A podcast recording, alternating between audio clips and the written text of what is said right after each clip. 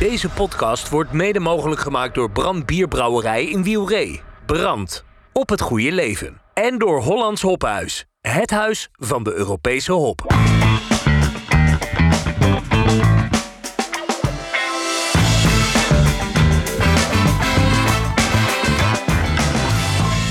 Welcome to the Brewpod. Beste bierliefhebbers, welkom bij de Bierradio Brewpod, de podcast talkshow van bierradio.nl.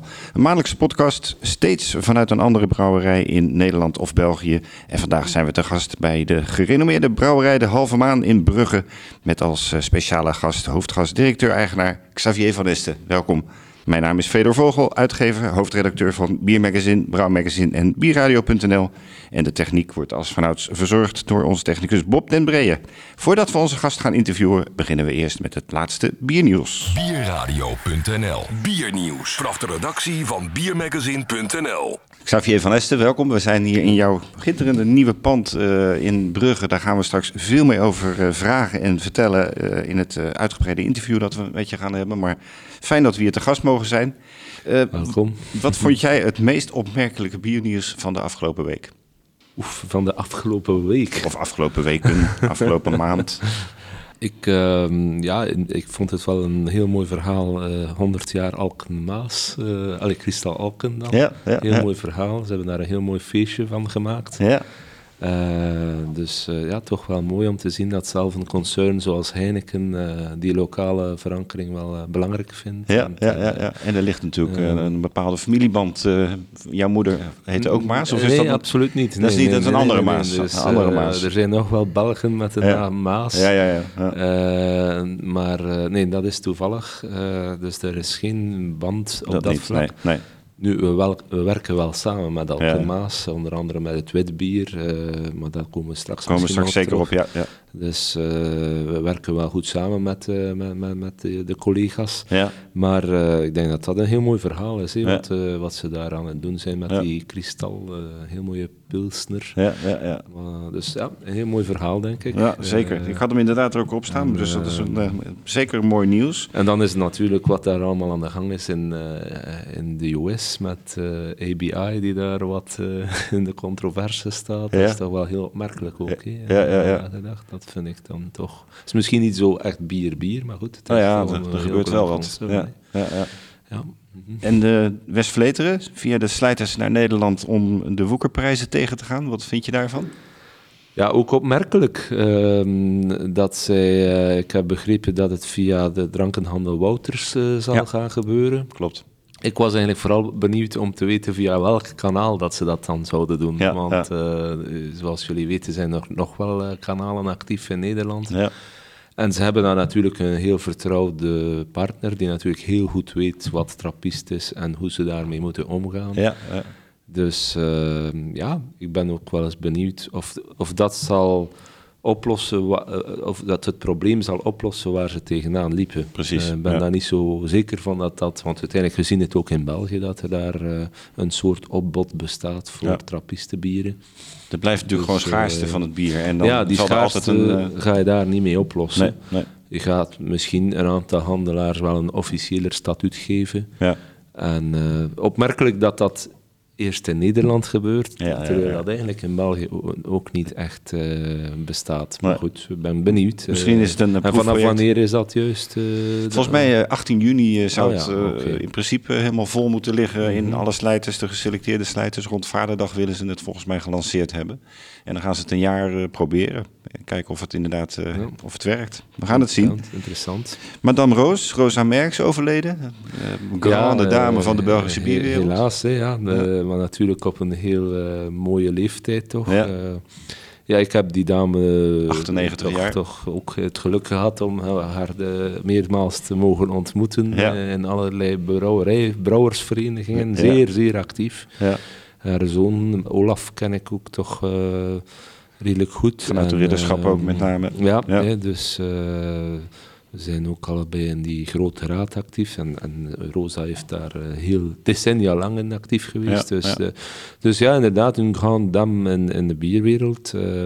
Eh, Ze is be- begraven in intieme kring, dus eh, zoals ze blijkbaar zelf gewenst had. Ja, ja. En, eh, maar goed, ja, dat, eh, dat, ja, dat laat, laat, laat zeker een, een leegte achter. ja, ja, ja, ja. Ze Ja. was bekend als, men zegt, als eerste vrouwelijke brouw, eh, brouwster. Ja, Er zijn er ondertussen een aantal geweest. Ja, ja, ja. Eh, je had eh, mijn moeder trouwens ook, die ook bekend stond als een... eh, Dat was dan in de jaren tachtig, dat Ja. was redelijk uniek. Anne Rijk was ook zo eh, ja, een van Rijk. brouwster. Dus, eh, Ja. dus er waren een aantal die inderdaad zo heel, heel vroeg... Dat was toen toch niet zo evident Nee. om, een, om als vrouw een brouwerij aan te sturen of zelf te brouwen. Dus dat was redelijk uniek. Hè. Ja, ja absoluut. Een bijzondere vrouw. En mhm. altijd zeer charmant en eh, Mhm. voorkomend. Eh, wat ik ook opvallend nieuws vond eh, de laatste weken, de opkomst van de fruitbieren. Die zijn er natuurlijk al heel lang, maar eh, Kasteel komt met de Rubens Framboise, Lindemans met die nieuwe tarotbieren, eh Timmermans komt met een restyling van, eh, van de fruitbieren. Is dat een trend die jij ook in België met name ziet? Ehm, ik denk dat die trend, als ik het goed heb, gaat het altijd over relatief zware fruitbieren. Ja, ja. Dus dat, dat, dat is eigenlijk een stukje een gevolg van, de, ja, van toch het succes eh, van, laat ons een naam een naam noemen, Castel Rouge is toch een van die trendsetters Ja, geweest daarin. name in Frankrijk heel populair. En dat is Ja. eigenlijk daar ontstaan. Ja. In Frankrijk is, is dat eh, zeer, eh, zeer goed aan, ja, is dat heel belangrijk. En we zien dat ook wel een stuk doorcijpelen in, in de Belgische markt. Ja, ja. Ehm, en je ziet dat eigenlijk alle grote concerns eh, ondertussen eh, een iets wat zwaarder fruitbier ontwikkeld hebben. Tot en met de Leffes en, en, Ja. en dergelijke eh, hebben dat.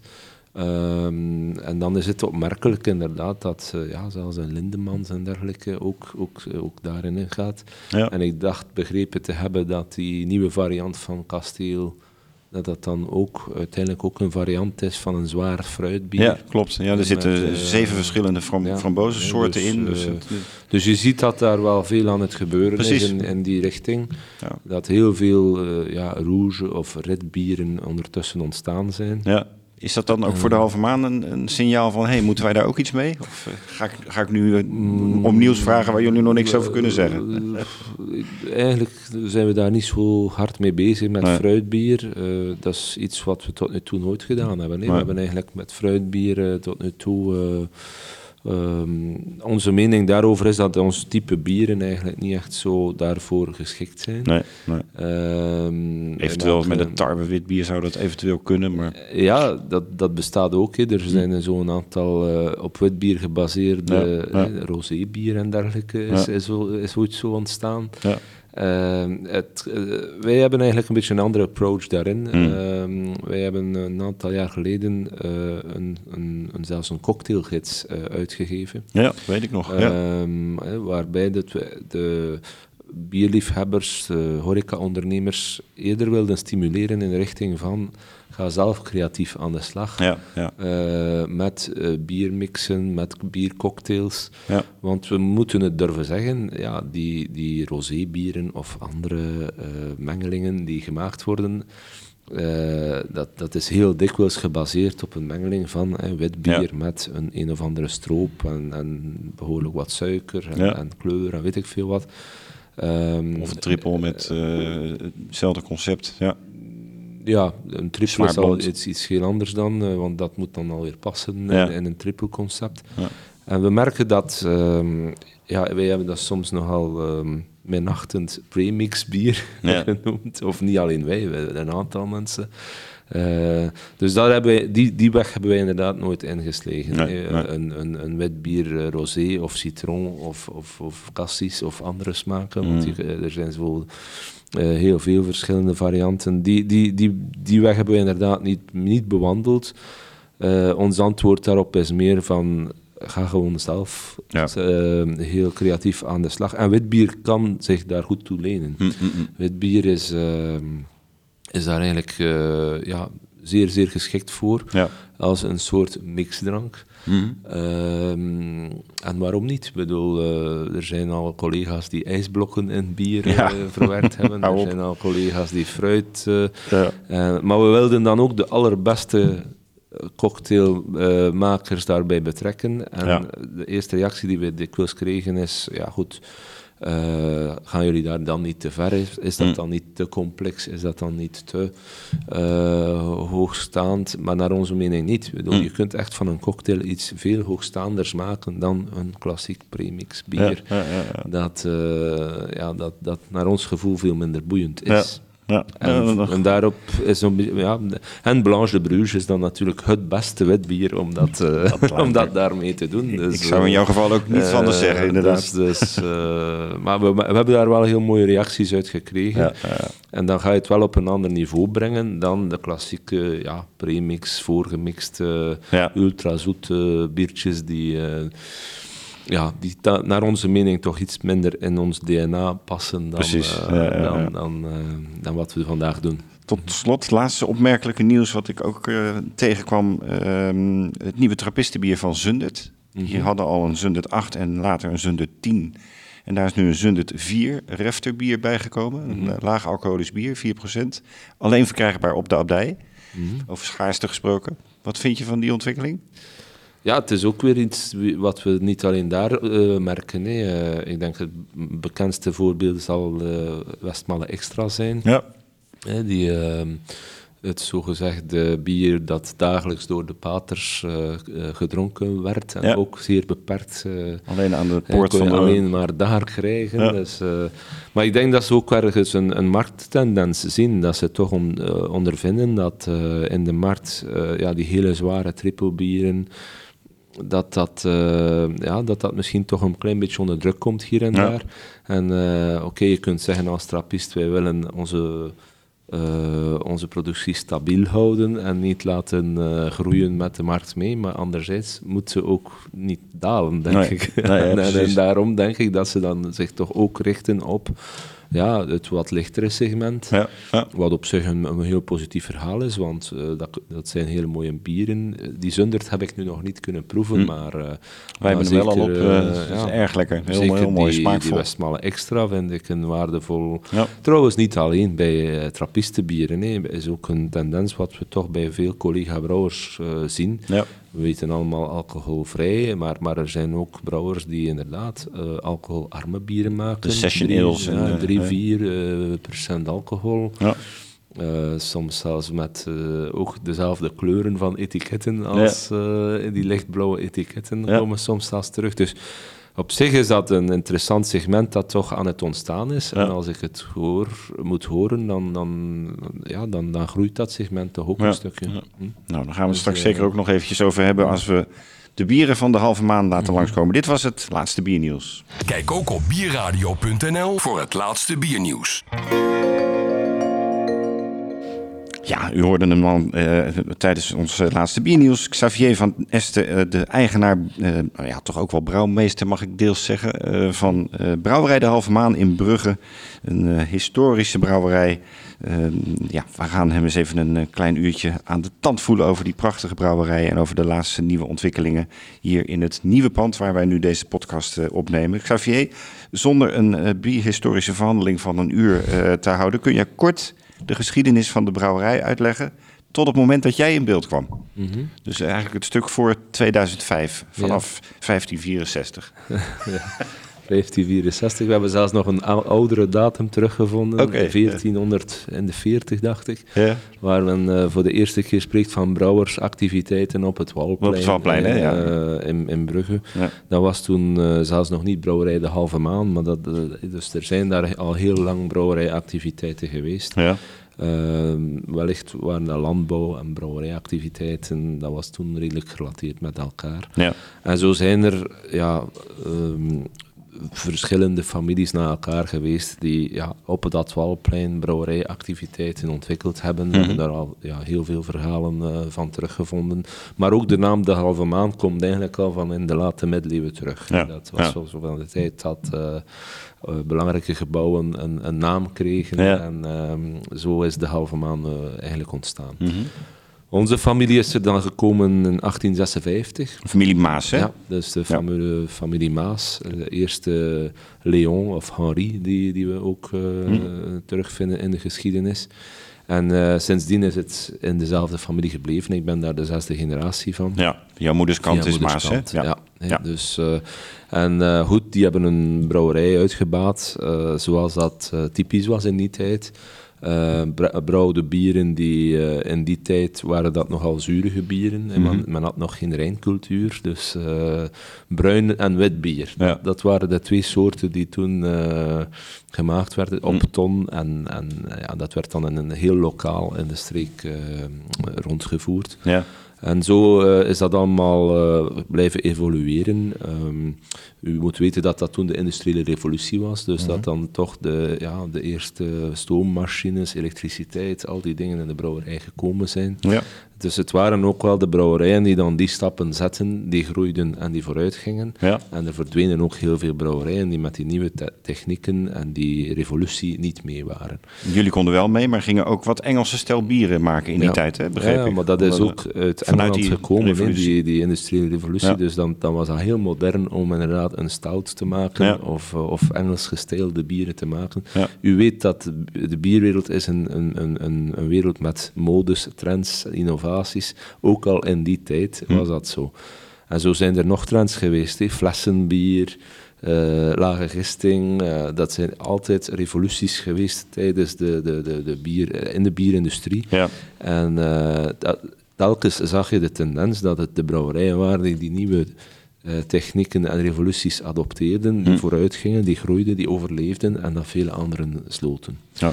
En ehm, zo is onze brouwerij heeft eigenlijk ook al die trends, of al die stappen meegezet. Hè. Dus, eh, dus ook lage gisting, dat is dan in de jaren twintig Ja. gebeurd. Eh, zelfs limonades zijn ze beginnen brouw, eh, brouwen, ja, ehm, eh, vanaf de jaren dertig zelfs al. Dus dat zijn allemaal eh, trends die, die, die opgepikt zijn. Vroeger had je ook het beroep van brouwen, was apart van het beroep van biersteker, wat men noemt. Dus biersteker, dat was eigenlijk de, handelaar, de, ja, maar ook de, de biervoerder. Sorry, Ja, ja, de biervoerder was, was, was eigenlijk de handelaar die... Ja, dat was een apart beroep. De biervoerder, die, die voerde het bier rond van eh, pub tot pub, of de, eh, want er was, was niet veel thuisverbruik in die Hm. tijd. Eh, dat is dan ook geleidelijk aan door de brouwers zelfs gaan, gaan gebeuren. Ja. En, En eh, daar waren jullie ook voorloper in, hè, met jullie thuislevering. in, ja, thuislevering, Ja. eh, flessentoeren, eh, flessen bier, hè, want eh, tot de jaren twintig bestond dat ook niet. Hè. Nee, dus, nee. eh, dus al die tendensen zijn er wel geweest. De bierstijlen zijn geëvolueerd.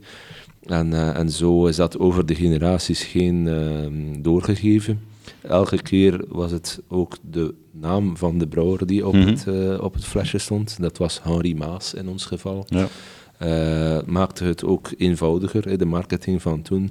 Door die, die voornaam telkens in de generaties door te geven, moest je niet telkens alle etiketten, flessen, kratten, eh, vrachtwagens gaan, gaan veranderen of herschilderen. Eh, en zo zijn er vijf opeenvolgende Henri's geweest. Henri Maas. Vandaar ook dat eh, het, het straffe Hendrik bier ontstaan is, want dat verwijst eigenlijk een stukje naar die geschiedenis, Hm. naar die traditie. Eh, dus op een bepaald moment heeft Henri een zwaarder bier eh, op de markt gebracht. En Wat was Henri de Vijfde volgens mij, hè? ja, ja. eh, ja, eigenlijk de vierde. De vierde samen met mijn moeder, die dan de vijfde generatie vertegenwoordigde. Ja, ja. Ehm, Oh, de vierde, ja. Ja. ja, en dat... ja, en, en zo is die straffe Hendrik dan ontstaan. Een, een Ja. triple bier, een, eh, ja, een zwaarder speciaal bier. Ja. Eh, maar zo, ja, zo zijn zij eh, actief ge- geworden en gebleven. Dat was in 1981, hè, de straffe Ja. Hendrik. Ja, en toen stond jouw moeder volgens mij aan het hoofd van de... Ehm, ja, samen met haar vader. Dat was zo'n beetje de overgangsperiode. Dat, was, dat was ook weer een, een speciale tijd. De jaren 70, 80. Heel veel brouwerijen en altijd moeilijk. Hm. Eh, veel kleine brouwerijen sloten. Eh, konden moeilijk opboksen tegen de grote pilsmerken die toen ontstonden. Ja. Dat distributiemodel waar we zo, zo sterk in waren, verdween helemaal. Ja. Er waren supermarkten die opkwamen. eh, thuislevering, dat, dat viel allemaal weg. Ja, Terwijl dat, dat vandaag eigenlijk weer, ja weer terug is terugkomt, gekomen met webshops. Ja. En, en, en dan had ja, ook onze brouwerij het bijzonder moeilijk. En ze hebben dan een aantal nieuwe initiatieven genomen, waaronder de stap naar eh, speciaal bier, zwaarder bier, Straffe Hendrik. Maar ook het, eh, het start, de eerste stappen voor het bezoekerscentrum zijn toen ook genomen. We waren een van de eerste brouwerijen die, eh, die ja, de deuren open zetten Ja. om, om, om bezoek mogelijk te maken. Maar Ja. natuurlijk een heel unieke ligging daar in de stad. Niet zo evident. eh, om een industriële activiteit uit te voeren lagen we daar eigenlijk niet zo goed. Eh, men heeft lang gedacht zelfs van zou de brouwerij niet moeten verhuizen Hm. enzovoort. En, maar dat was ook niet echt de tijd rijp voor, rijp voor toen. Nee. Zeker als de business niet zo geweldig ging, Nee. was, dat, eh, was dat allemaal niet zo evident. En, dat- dus dat zijn een aantal stappen die ze toen wel gezet hebben. Ja.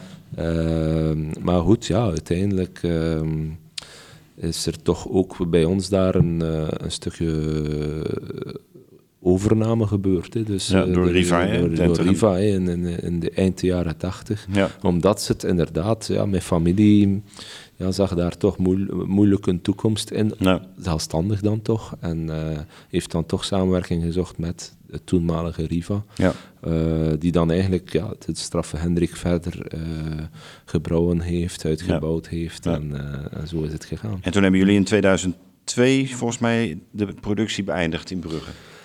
Juist, ja. Dus het- voordat het, jij in, eh, eh, dat was was? voor. Ja, ja ik Ja. heb het dus eigenlijk echt zien achteruit gaan. Dat is altijd Ja. het- de realiteit als zo'n overnemer komt. Die is niet zozeer geïnteresseerd om lokale productie te behouden. Die wil vooral het merk en de volumes proberen te, te consolideren. Ja. En zo is dat bij ons ook gebeurd. Hè. Dus ik zag altijd maar die productie verder naar beneden gaan. Er werd niet echt nog zwaar geïnvesteerd in die productie, in die lokale productie. Nee. En zo zag ik dat inderdaad een beetje teloor gaan. Ehm, wat dan, ja, wat, waar ik dan een enorme op- opportuniteit in zag om wel degelijk die brouwerij terug te herstarten en, en die productie daar wel... Dat was inderdaad mijn Eh, volgende vraag. Want jij kwam in 2005. Je Mhm. had eh, volgens mij in Antwerpen eh, bedrijfskunde gestudeerd. Mhm. Ja. Ehm, ja hoe, hoe oud was je toen? Toen ik startte was ik 25. 25. Ja. En eh, jouw moeder ja, was uiteraard nog wel in beeld, maar niet meer. de brouwerij was verkocht. Hoe, hoe, hoe kwam dat in jou op om dan toch met die brouwerij aan de slag te gaan? Hoe, hoe is dat, waar, waar- begon dat? Wel, een, een kleine correctie. De brouwerij was verkocht. Eh, het klopt, het handelsfonds was verkocht, het Mhm. merk was verkocht, maar de, de brouwerijgebouw, het historische brouwerijgebouw Dat niet. was nog in bezit. En dat was nog familiaal, eh, dat, dat zat nog bij mijn moeder. Ja. En daar zag ik dan ook die opportuniteit van. Ja, we hebben ja, nog dat patrimonium, we hebben nog heel die, die historie daar, dat patrimonium. Daar is een enorm potentieel in. Ehm, en ik had daar inderdaad een plan voor geschreven van ehm, laat ons dat terug herstarten. Hm, Eh, laat ons terug op een geloofwaardige manier een, een stadsbrouwerij runnen waar dan ook effectief gebrouwen wordt. Ja, ja. Waar de bieren ook die geloofwaardigheid hebben dat ze daar gemaakt worden. En mocht dat vanuit de overname door Riva, hadden jullie niet een soort beding dat je daar zelf niet meer mocht brouwen? brouwen? Eh, Dat was er in feite niet. Het enige wat wij natuurlijk niet zomaar konden doen, dat merk eh, kon, eh, konden wij niet meer gebruiken. Hm, Dus, nee, eh, dus het is wel zo dat we, als wij dat deden, als wij die stap zetten, dat we daar dan wel moesten een, een ander merk gaan creëren. En dat werd de Brugse En Zot. dat is dan die Brugse Zot En geworden. die heb Want, jij bedacht, hè? eh, Dat is echt jouw bier. Ja, dat eh, ik niet alleen natuurlijk, Mm. maar goed, er is, eh, dat is inderdaad de herstart geweest. Het is toen van, oké, we kunnen niet meer het, het historische merk gebruiken, dat, dat was weg. Ja. We, we lanceren iets nieuws, iets, iets, eh, ja, iets, iets lokaals ge- verankerd, eh, en dat is Brugse Zot geworden. Ja, En ja, ja. Die is inderdaad in 2005 gestart. Ja. Ehm, ja, en dat heeft natuurlijk eh, toch wel het nodige succes gekend. Ja, ja, ja, daar komen we zo zeker nog op terug. Want eh, jij verhuisde ook meteen toen jij begon het Brouwerijmuseum van de Gouden Boom naar eh, de, jullie eigen pand. Mhm. En daar was je oom Paul van Esten volgens mij bij betrokken. Ja, het is een moeilijke puzzel. Maar inderdaad, eh, de Gouden Boom was, was eigenlijk de laatste andere grote brouwerij in de Burgse Ja. binnenstad. Die helaas gesloten was. Ja. Ehm, ook weer de klassieke tendens, een brouwerij overgenomen, eh, de merken weg. En dan uiteindelijk eh, ja, wordt die brouwerij gesloten. Ja. En daar, daar had mijn neef, Paul van Este, inderdaad, was de laatste, directeur geweest ook Ja. van de brouwerij. Ja. Eh, had daar nog een, ja, met, een, met een vereniging eigenlijk een, een, een, een brouwerijmuseum Hm. eh, lopen. Maar dat moet ook weg, omdat die ontwikkelaar die dat pand gekocht had, ja, die zag daar ook geen toekomst meer in. Nee, nee. Dus dat moest weg en eh, ja, die stonden eigenlijk op straat. En die hadden toch een heel waardevolle collectie. Hm.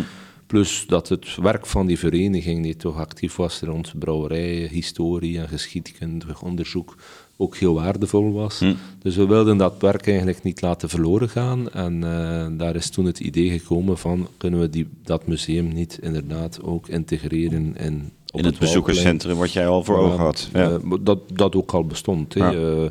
En ehm, dat kan een mooie aanvulling zijn. Hm. Ondertussen heeft die, eh, die vereniging ook wel een, een, een, een huisvesting. Ja. Van. Is het, blijft het ook bestaan, want anders Ja. ging het verdwijnen. Ja. Dus dat was wel een leuke rol die wij konden spelen daarmee. Om, eh, om, om, om, om dat toch ook een plek te geven in, wat wij deden. En natuurlijk, ja, het, het is inderdaad zo. Dat was eigenlijk de brouwerij, de Gouden Boom, die eh, ook familiaal met ons verbonden was. Ja. Want dat was mijn vaders eh, brouwerijfamilie die, Ja. die, die daar actief geweest was. Dus uiteindelijk ja, was het toch een- ook weer een klein stukje een family affair. Ja, ja, precies. Ja, ja, ja. Vandaar ook dat de naam Van Este bij de halve maan eh, Ja, naar binnen kwam in jouw geval. zo. Ja, dat is zo. Ja. In 2007 ging eh, Liefmans, dat toen nog eigenaar was van eh het Dentegums, failliet. En toen kwam het merk Straffe Hendrik bij Duvel Moordgat te liggen. Maar je hebt dat in 2008 terug kunnen kopen. Dat Ja. is ongeveer het verhaal, hè? Ja, denk ja, ik. dat klopt. Dus Ja. Straffe Hendrik was inderdaad gekocht door Riva. Ja. Riva, dat ook Liefmans had, Dentergems Ja. enzovoort. En inderdaad, eh, dat was toen Liefmans Breweries geworden, Hm. eh, hadden ze het zelfs omgedoopt. Ja. En het is bij dat faillissement dat het hele pakket van merken en van brouwerijen trouwens eh, door Duvelmoordgat eh overgenomen is Ja. bij de curator. Ehm, en inderdaad, ehm, toen hebben wij toch wel even ge- gesproken met de familie Moordgat van Ja, wat ja, gaan ja. jullie daar dan ook mee doen met al die merken. Want eh, zij waren eigenlijk vooral geïnteresseerd in het eh, Liefmans, het fruitbier Ja. het fruitbier, wat zij toen ook niet in assortiment hadden. En eh, waren eigenlijk minder geïnteresseerd in die andere merken, want Hm. daar zat inderdaad ook Dentergems en, en andere merken bij. En vandaar dat we eigenlijk dan toch vrij snel, een aantal maanden later, tot een akkoord gekomen zijn, Hm. waarbij wij eh, het merk Straffe Hendrik dan terug overgenomen hebben van ja, Duvel Moordgat, de overnemer van. Dat moet toch wel een lekker v- gevoel voor jou geweest zijn als nog jonge directeur. Dat je. Ja, gewoon ja. Dat, dat, dat familiemerk terug in bezit kreeg. Ja, ja, eh, absoluut. Het was net twintig jaar nadat mijn grootvader het verkocht had. Ja. Eh, en uiteraard hadden wij ook die oefening gemaakt bij de herstart van de brouwerij van kunnen we nou dat originele merk ook niet terugkopen? Ja, ja. Hebben we uiteraard eh, zelfs daar ook een aantal gesprekken over gehad, maar Ja. dat is toen helaas, eh, of op dat moment is dat niet gelukt. En vandaar eh, de historie van eh Brugse Zot. Ja. Maar inderdaad, het was een heel mooi verhaal. De cirkel was terug een stukje rond. We konden terug die straffe Hendrik thuisbrengen naar de originele brouwerij waar het uiteindelijk ontstaan is. Ja. We hadden nog de originele recepturen, eh, we hadden het familieverhaal, we hadden eh, de originele brouwerij. Hm. Dus het is wel een heel mooi verhaal als brouwer om zo'n historisch merk, familiaal merk uiteindelijk, te kunnen terugbrengen naar de oorsprong. Ja, ja. Ehm, en dat- ja, dat was natuurlijk een heel leuke rol. En nog maar drie jaar inderdaad nadat we herstart waren. Precies, dus dus ja. dat was wel een, eh, een leuk verhaal. En, eh, En inmiddels is eh, de lijn Straffe Hendrik helemaal uitgebreid, maar daar komen we straks later eh, in de uitzending nog op terug. Ehm, de groei van de brouwerij ging eigenlijk al heel snel gestaag. mhm. Met name ook in de export. Ook de Brugse Zot werd natuurlijk een, een prachtig exportproduct. Maar jullie lieten de bieren toen nog bottelen bij Huigen in Melle, volgens mij. Klopt, hè, de eerste Want ja, vijf jullie hadden natuurlijk geen bottelerij daar. Ja, nee, nee. En ook bij een start of een herstart van de brouwerij hadden wij ook de middelen, nog het volume niet om Nee. zoiets te kunnen, eh, te kunnen dragen. Nee. En dan hebben we inderdaad de keuze gemaakt om, eh, om dat bottelen uit te besteden Ja. eh, aan een collega op Huigen, inderdaad. Ja. Vijf jaar hebben ze dat gedaan voor Mhm. ons. En na vijf jaar hadden we eigenlijk een bepaald volume bereikt. Eh, ik denk dat we toen ja, rond de 15.000 zatten Mhm. hectoliters. Op jaarbasis. En ehm, waarbij we toen de stap hebben gezet om een stuk grond te kopen, om uh, een occasiebottelarij was dat toen, te, Mhm. de- te gaan halen uit, uit Duitsland. Uit Duitsland, inclusief het brouwhuis, wat jullie daar ook volgens mij Nee, toen nee, niet. nee, dat brouwhuis hebben we toen niet. eh, dat was ook niet zo'n interessante brouwinstallatie. Hmm. Maar het was vooral een, een heel goede installatie voor bottelen en ook vaten vullen, filtratie. Eigenlijk ja. net hetgeen wat wij niet zelf deden op dat moment. Eh, hebben we toen ehm, ja, in huis gehaald. En toen hebben jullie hier al Eh, grond gekocht. Dat was ook al in het Waggelwater, toch? Het Waggelwater is inderdaad een, een industrieterrein, Ja. niet zo ver van de stad. En eh, de- daar hebben we dan ja, grond gekocht, Hm. wat ook niet zo evident is, want in Brugge of in Vlaanderen is er ook niet zoveel plaats meer Nee. voor industriële Nee. activiteiten. Maar ehm, dus we hebben, ja, we hebben hier toen een hectare kunnen kopen. Hm. Een eh, gebouw, eh, dan een, eh, die, die occasie-installaties. en zo waren we vertrokken Ja. om dan ja, de bieren te bottelen, te, te, vaten te vullen, ja, al die activiteit. Toen hadden we eigenlijk het volledige productieproces In eigen handen. eigen handen. Ja. Waar zat toen de grootste groei met de bieren? Was dat toch met name de Brugse Zot? Ja, ja, dus Brugse Zot is eigenlijk ook vandaag nog ons, ons belangrijkste merk, ons belangrijkste volume. Ehm, de groei is een stuk nationaal. eh, nog altijd is meer dan de helft van onze omzet eh, in België. Mhm. Eh, maar ook zeker Nederland. Hè, dus dat is echt ons, ons tweede thuisland. Hm. Waar we toch eh, ja, heel behoorlijk eh, aanwezig zijn. Ja. Ook voornamelijk met het Brugse Zotmerk. Hè. Dus Mhm. Nederlanders zijn daar toch een beetje op verzot. Ja, mooi. Eh, in totaal zitten we in een veertigtal landen, maar laat ons zeggen dat het zwaar, de, de belangrijke volumes toch voornamelijk in onze buurlanden zitten. Ja. Nederland, UK, Frankrijk, dat Mm. zijn zo, ja, dat zijn de, de West- West-Europese landen zijn toch de belangrijkste volumes. ja. Maar goed, het is leuk om te kunnen zeggen dat ook onze bieren in eh, ja, China, Japan, eh, US eh, aanwezig zijn. Ja. Eh, en dat is ook wel een leuke ontwikkeling. Hè. Hoe belangrijk was toen al het bezoekerscentrum in, ja, vanaf 2005? Ehm, ja, volgens mij heb ik later eh, aantallen gehoord van 300.000 bezoekers per jaar of zo, geloof ik. Mm, dat is wel een Dat is wel beetje overdreven. Maar, eh, maar inderdaad, eh, in heel ons eh, aanpak is dat bezoekerscentrum heel belangrijk. Ja. We hebben daar we hebben een historische stadsbrouwerij, een, een heel ja, eeuwenlange traditie. En je kunt natuurlijk veel discussiëren over erfgoed en wat is erfgoed. En, en dat is meer dan stenen en je hebt imma- imma- immaterieel enzovoort. Maar naar mijn gevoel, als je echt erfgoed wil laten overleven op lange termijn, op een duurzame manier, dan moet je dat ook een toekomst en ook een economische toekomst geven. En dan, ja, dan is dat een actieve stadsbrouwerij, familiale brouwerij, eh, die een stukje moet kunnen groeien en, en die moet kunnen bloeien. En dat is naar mijn gevoel de beste manier om dat te bestendigen en dat ook op, op lange termijn duurzaam te houden. Ja, ja, ja. Maar dus, dat wilde ook zeggen, effectief daar ook brouwen, effectief daar ook productie hebben. Want dat hadden we geleerd uit de geschiedenis, dat als je dat allemaal gaat afbouwen, dan gaat het heel snel aan geloofwaardigheid verliezen. Hm. Eh, en wordt het heel snel een stoffig museum eh, dat ook niet meer zo aantrekkelijk is voor de mensen om te bezoeken. Nee, nee. Dus ja, eh, de mensen bezoeken bij ons een actieve brouwerij. Elke liter van ons bier wordt daar effectief gebrouwen. Ja. Wij doen, eh, eh, het is niet zoals bepaalde collega's flagship brewery en, Nee, en- een heel klein keteltje met een beetje rook die uit een schouw komt enzovoort. Dat gaan we niet doen. Mensen willen de realiteit zien, willen een actieve brouwerij zien, willen dat eh, ja, ondervinden, willen kunnen ru- ruiken, voelen, proeven, smaken. eh, eh, hoe dat gebeurt, wat daar gebeurt. En dan geef je hen ook een, een geloofwaardige beleving. En en, en dat, dat is denk ik ook de reden waarom wij daar succesvol in zijn. Ja, en inderdaad, we zijn ondertussen de meest bezochte brouwerij in België. Nou ja, precies. Meer dan 100, 125.000 denk ik bezoekers ja. per jaar die, die die brouwerij bezoeken. Ehm, En ja, hoeveel procent van jullie omzet wordt er dan in Brugge verkocht, zeg maar, op je eigen plek? Ah, in, on- in onze eigen brouwerij. Ja, en ook in de rest van de stad. Ehm, ja, in onze brouw- eigen brouwerij heb ik daar nu niet direct eh, percentages van hoeveel procent dat, dat is. Dat is natuurlijk relatief dalend, omdat Mm. natuurlijk altijd meer en meer bier ook wel buiten de brouwerij verkocht wordt. Ja.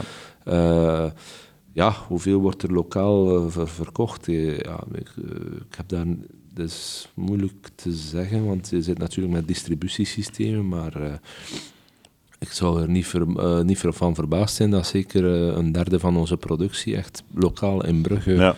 verdeeld De en vele toeristen die wordt. komen. Absoluut, ja, dat, dat, denk ik wel. zijn het, ja, absoluut, ja, dat, dat denk ik wel. Nou, toen kwam dus inderdaad in 2010 uh, de volgende straffe Hendrik, namelijk de quadruppel die jij uh, toen mm -hmm. introduceerde. introduceerde.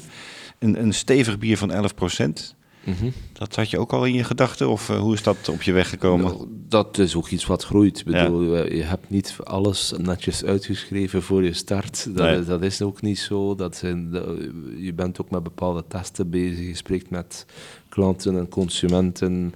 Je ziet bepaalde tendensen in de bierwereld waar je dan als brouwer probeert uh, op, de juiste, op het juiste moment in te pikken. Ja. Um, en ja, uh, op dat moment uh, bestond dat eigenlijk niet echt in België, een Maar- quadruppel. uh, dus we waren eigenlijk een van de eerste Belgische brouwers om een, wat in de name quadruppel te, te, te gaan lanceren. Geïnspireerd door de Latrap quadruppel wellicht, eh, die natuurlijk met die naam zijn gekomen ooit als eerste. Ja, die naam vonden wij inderdaad wel een, uh, een interessant, uh, ja, een, een, een ladingdekkende naam. Ja. Of een Enkel, categorie dubbel, naam. triple. Ja, ja, ehm, er waren nog wel brouwers die die naam te, Hmm. wel gebruikten, maar in België was dat eigenlijk nog niet echt een echt bestaande categorie. Nee, nee. Dus daar zijn we wel een beetje trendsetter in geweest. Ja. En goed, dat, dat past ook wel heel goed in, in dat concept straffe Hendrik. Hm. Eh, die quadruppel is voor ons in bepaalde landen ons meest verkochte bier. Hm. Dus eh, het is echt wel een heel eigenzinnig bier. En eh, natuurlijk- een heel, ja, heel sterke niche, maar Hm. waar we toch ja, in, in, in landen zoals China, US, zelfs Rusland, is, is dat een van onze best verkochte bieren. Ja, ja, ja. Eh, eh, Ja, dat begrijp ik wel, want het is ook, gewoon- het is ook een heerlijk bier. En, Ja, absoluut. en er is een En, specifieke eh, markt voor. Hè? ja, ja. absoluut. En eh, dus daar hebben we wel een heel mooie propositie in. En toen kwam in 2016 eh, het moment dat jij eh, toch wel wereldwijd naam en faam maakte met de realisatie van de bierpijpleiding. Ja. Die de brouwerij aan het Walplein verbindt met eh, de bottelerij hier aan het Wachelwater. Hoe kwam je in godsnaam op die gedachte? Mhm. Ehm, ja, het is, het is inderdaad een vrij ehm, eenvoudige gedachte als je het zo wilt. Je Hmm. hebt een brouwerij in het centrum van de stad en dan eh, drie kilometer verder heb je dan een bottelarij. En je zit dan met eh, tankwagens die het bier van eh, plaats A naar plaats B moeten brengen. Ehm, en, en eh, ja, daar werd soms al wel eens lachwekkend eh, over gesproken van ja, bij een, bij een pot bier, bij manier van spreken, van ja, je, je zult wel ooit eens dromen van zo'n bierpijpleiding. En ja, dat was dan letterlijk aan het oog van hahaha, ha, ha, eh, Mm. leuk, leuk, eh, leuk idee, maar dat is toch Het heeft jou niet losgelaten. Echt, eh, het idee is echt beginnen vorm krijgen op een, op een dag dat ik inderdaad op het Walplein buiten kwam. En ze waren grondwerken aan het doen. Hm. Niet voor ons, maar ergens een of andere nutsmaatschappij die Hm. daar leidingen of kabels moest leggen. En, en ja, ze, ze begraven daar letterlijk een, een, een, een, een put voor uw deur en ze zijn daar bezig met die kabels en zo. En, en ik had gevraagd aan die, aan die toenmalige ploegbaas, de werfleider, eh, leg mij eens uit, wat zijn jullie hier aan het doen? Eh, eh, hoe werkt dat? Eh, leggen jullie dan heel de straat open? Of, of hoe gaat dat dan met vergunningen? Hoe doen jullie dat? Hm. Want dat is uiteindelijk ook altijd een aannemer die dat doet voor een nutsmaatschappij. Hm. En hij legde mij dat volledig uit. Ja, meneer, we, hebben daar, we zijn erin gespecialiseerd en we vragen daar dan vergunningen voor. En, en omgevingsvergunningen enzovoort. En, en, en we hebben die technieken en eh, ondergestuurde eh, ondergrondse boringen en gestuurde boringtechnieken enzovoort. Ja, goed. En dan ben je daar toch eens over na te denken. Hè, van, en mijn zus werkte toen in de olie- en gasindustrie Hm. eh, als ingenieur. En ook zij, eh, ik zei dat ik zeg, ja, eh, ik heb gehoord dat je dat eigenlijk zo en zo kunt. Ja, maar zegt ze, wij doen dat heel de tijd zo. Hm. Eh, In de olie- en gasindustrie is dat daily business om pijpleidingen aan te leggen, Ja. ook ondergronds gestuurd, eh, dat beveiligen, eh, ja, al die... Ah ja, oké, ja. En, en zo, eh, op die manier zijn we dan eigenlijk toch eens beginnen nadenken, ook met onze, ons team van ingenieurs, van ja, is dat dan eigenlijk zo'n gek idee om dat voor bier te willen doen? Ja, ja. En zo is dat stilletjes aan beginnen eh, groeien. En uh, zeker met, met overheden natuurlijk, met administratie, van oké, en een vergunning voor zoiets, ja goed, hoe doe je dat? Hm. ja, er bestond daar eigenlijk zelfs geen wetgeving voor, van ja, hoe, hoe moet je zoiets vergunnen? Onder welk statuut moet je dat gaan doen? Uh, tot, tot hoe ver ben je eigenaar van, uh, van, je, van, je, van je eigendom? Ja, ja, ja. Tot hoe diep, we hebben dat onder andere zitten uitzoeken. Hoe diep is een eigenaar eigenaar van zijn grond? Hè? Kun je zeggen dat hij... Ja, uh, en zo is dat gegroeid en, en oké, ja, uh, het heeft een vijf, zestal jaar geduurd tegen, tussen het oorspronkelijke idee en, uh, de, realisatie. De, de, realisatie ervan. Ja. Maar je moest het ook financieren. Je ja, ik wou net zeggen, want uh, zo'n leiding van 3,2 kilometer, mm -hmm. ja, dat, dat, kost nogal wat. Hoe heb je dat gefinancierd? Ja, het hele project was begroot op een 4 miljoen euro. Uh, dus ook dat, hè, ja, de bankier, hè, ja, kun je daar een krediet voor krijgen? Ja, die bankier ook, ja, dat heb ik nog nooit gedaan. Ik kan ook geen hypotheek nemen op een ondergrondse bierleiding en dat soort dingen. Dus ook voor hen was dat iets wat niet bestond. Uh, dus uh, we liepen inderdaad ook daar tegen de limieten aan, omdat we natuurlijk een, groeibedrijf zijn. Dus elk jaar opnieuw heel veel investeren en hm. altijd maar opnieuw financieringen zoeken enzovoort. Dat, dat kwam ook, dat is ook een stuk van ons verhaal uiteindelijk. Ja. Uh, en hebben we inderdaad uh, de fameuze crowdfunding toen uh, gelanceerd. Hm. Dus op dat moment was dat ook redelijk nieuw, in, in, zeker in Vlaanderen, in West-Vlaanderen zeker. Ja. wat is dat crowdfunding? Wij moesten dat echt nog uitleggen aan de mensen. Hè, van, ja. van ja, wat betekent dat? Wat is dat? En ja, het idee was eigenlijk een crowdfunding waarbij mensen een stukje symbolisch aandeel kochten in die, in, in, in die bierleiding, mm -hmm. een meter of, of, ja, of hoe lang dat je het moet zien. Ja. Uh, en dat ze daarvoor een, een, een bier te goed krijgen, een levenslang bier te goed krijgen. Dus jaarlijks een bepaalde hoeveelheid bier die ze dan krijgen en kunnen afhangen op de brouwerij, elk ja. jaar opnieuw, levenslang. Er zijn ondertussen al veel andere crowdfunding-initiatieven geweest in de brouwerijwereld, ja, die ons zelfs daar een beetje in, in gevolgd hebben. Ja. Heel leuk, maar, uh, maar dat sprak de mensen wel aan en uh, ze vonden dat sympathiek. En we hebben toen eigenlijk uh, een record op dat moment, hè, voor mm. België was dat echt een recordophaling gedaan, mm. die toch weer net zo dat kritisch extraatje was die nodig was om het project te doen slagen. Ja, ja, ja. Want de bankiers gingen wel een stuk mee, we hebben nog een stuk subsidie en overheid en weet ik veel. Maar uiteindelijk had je dan toch nog altijd dat stukje eigen inbreng nodig. En dat is dan onder die vorm gelukt. Ja, want ik, jij zegt het inderdaad, die subsidies. Ik kan me nog herinneren dat je, ik geloof de halve ministersploeg van België, die had je bij de officiële opening, uh, dat is natuurlijk altijd wel het leuke van de bierwereld. Hè. Bier is natuurlijk eh, een charmant product. Mhm. En dan krijg je denk ik ook makkelijker de handen op elkaar om dit soort initiatieven ook financieel te ondersteunen. Ja, maar het is um, zeker dat project van de bierpijpleiding heeft ons dat wel uh, echt geleerd. Is, uh, in het begin zijn van dat soort zotte ideeën zijn er weinig. Um, believers in. Hm. En uh, iedereen stelt meer vragen van ja, maar gaat dat wel gaan? En ga je niet daar tegenaan lopen of tegen dat probleem? Gaat dat technisch wel? Gaat dat hm. juridisch wel? Ga je dat financieel ontkrijgen? Ga je... Enzovoort.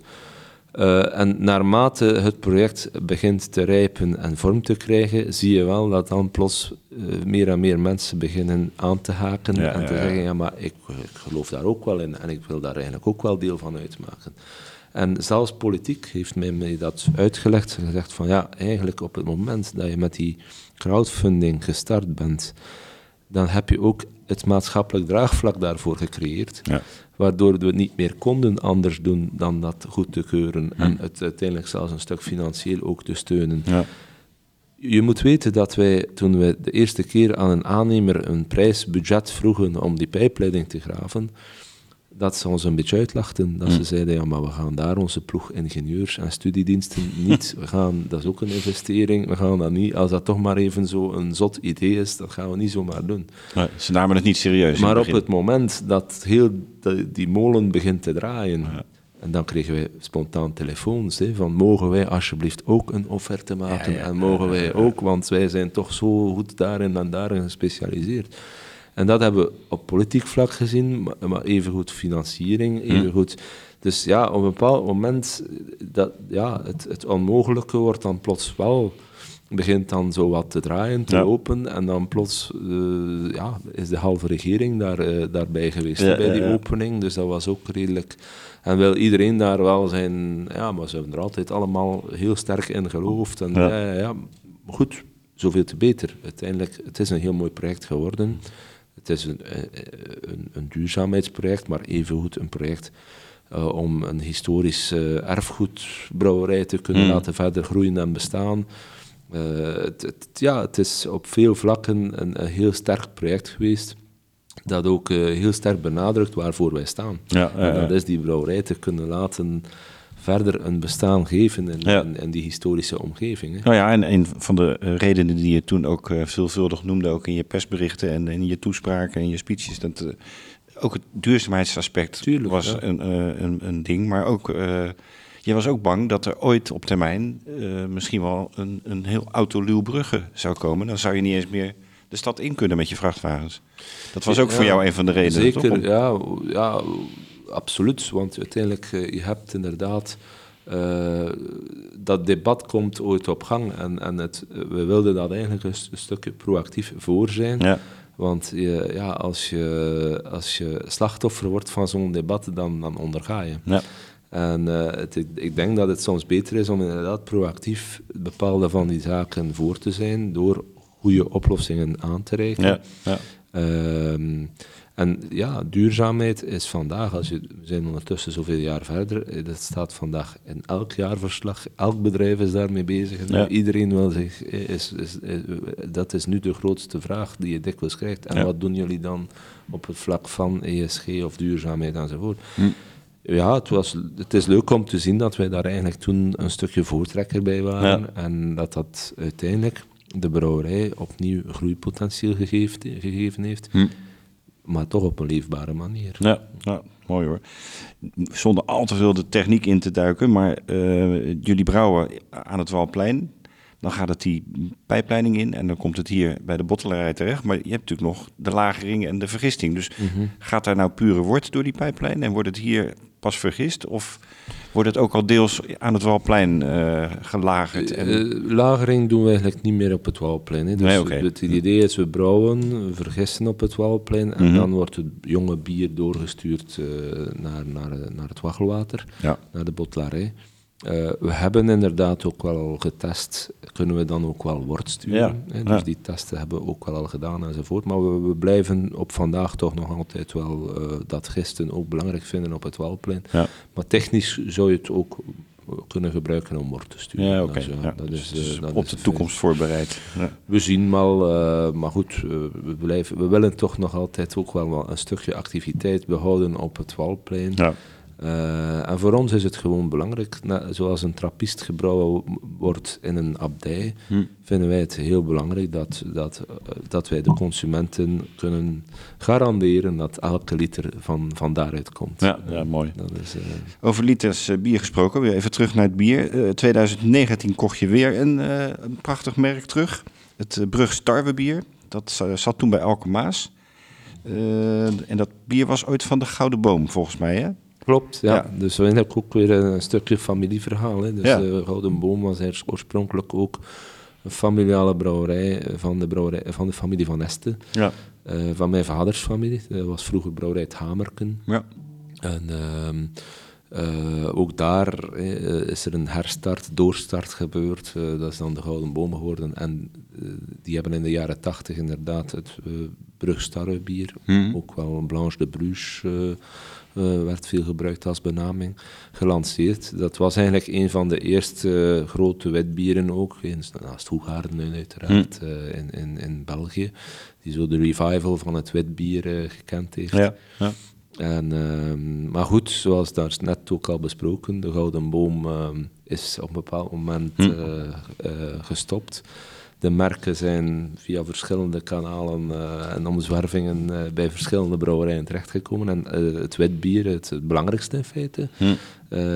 was na omzwervingen via Kronenboer en Scotches en Newcastle en, enzovoort bij Alkenmaas eh, Heineken terechtgekomen. ja. En die deden er niks mee, hè? Eigenlijk. Wel, ja, Ja. dat, was, dat had niet zoveel ehm, aandacht in hun assortiment, Nee. eh, om het zo te zeggen. Hm. Ehm, zij brouwden het ehm, niet meer in Brugge, want er Hm. was geen brouwerij meer. Ehm, en verdeelden het nog voornamelijk in, in de Belgische horeca. Hm. Maar ook op exportvlak was dat relatief bescheiden. Het was voor hen geen focusmerk eh, waar ze grote groei in zagen. Dus dat kon je vrij gemakkelijk eh, overnemen. Gemakkelijk eh, is dat niet, eh, want je spreekt toch met Heineken. Ja, ja. Eh, maar laten we zeggen dat we ja, op een bepaald moment wel tot een, een gemeenschappelijk idee gekomen zijn, want zij beseften ook heel goed van een merk moet een bepaalde geloofwaardigheid hebben. Hm. Ehm, een, een merk zonder geschiedenis of zonder ergens een bepaalde Roots te hebben. roots te hebben, dat, dat is toch wel moeilijk. Ja. Om, om dan daarmee het verschil te gaan maken. Ja. En daar zijn wij natuurlijk eh, met heel ons project eh, ideaal geplaatst. Dat is net de essentie van wat wij doen. Hè. Wij, Hm. wij, wij proberen die oude merken te laten leven en, en geloofwaardigheid te geven. Ja. En eh, vanuit die- dat idee is die samenwerking ook tot stand gekomen. U moet ook weten dat dat voor Alkenmaas een heel klein volume was. Hmm.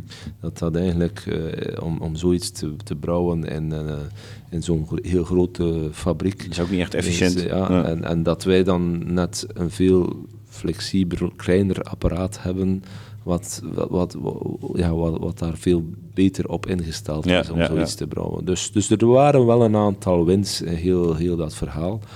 En we blijven ook nog altijd goed samenwerken met Alkenmaas. Hè. Dus Hmm. het is nog altijd, eh, in België worden- verdelen zij nog altijd dit als hun witbier in, in hun eh, ja. distributie. Ja. Ehm, en op die manier eh, is het toch een, een heel mo- mooi en geloofwaardig project. Ja, ja, ja. Kunnen ze AB InBev een beetje in de weg zitten met de Hoegaarden. Dat eh, snap ik wel. Ja, pff, Hoegaarden is natuurlijk een, een, een merk van een heel ander eh, kaliber, als Ja. ik het zo mag zeggen. Hè. Dus, ehm, maar inderdaad, het, zijn, het is ook een wit biermerk. Ja, ja. mooi.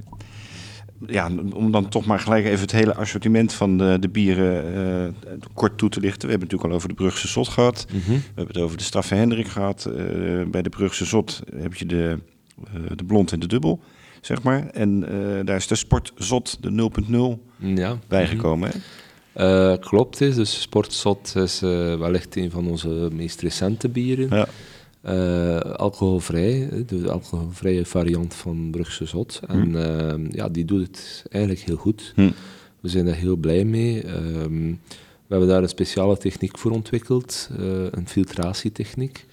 Eh, dat, is, dat is wel uniek in België. We waren ook, ook weer daar een van de eerste speciaal bierbrouwers die die stap naar alcoholvrij gezet Mhm. hebben. Maar we wilden ja, niet zomaar doen wat iedereen doet. Eh, we waren overtuigd dat in vergelijking met wat er toen op de markt was, er is ondertussen al veel geëvolueerd Mhm. natuurlijk, dat het wel ja, beter moest kunnen. Hè? Of, of, of- of dat we toch een smaakvoller al- alternatief moesten kunnen Ja. brengen. Ja. En vandaar, we hebben daar een aantal jaar zitten zoeken, eh, alle beschikbare technieken onderzocht, eh, veel gereisd en veel geproefd en heel veel verschillende dingen bekeken. Ja.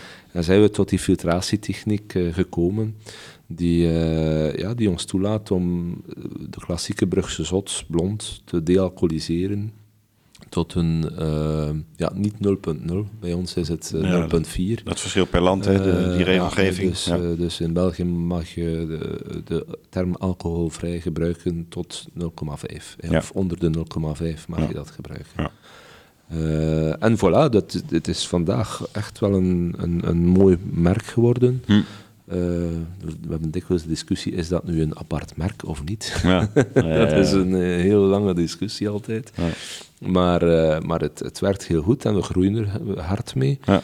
In België, ook in Nederland, heeft het zeker zijn afzet. En ehm, ja, we, hebben daar echt, we zijn daar echt een van de trendsetters geweest en nog altijd, denk Hm. ik. En ehm, het werkt heel goed. We, we krijgen er heel positieve reacties op. Ja. En, we zijn er heel blij mee. Nou, prachtig. En Mhm. ehm, we hebben het al even over de Staf Hendrik, eh, de, de originele, de triple eh, gehad, of de, zwaar blond Mhm. is het eigenlijk. Hè? Eh, de quadruppel kwam daar als tweede bij, maar inmiddels hebben we de Staf Hendrik Wild.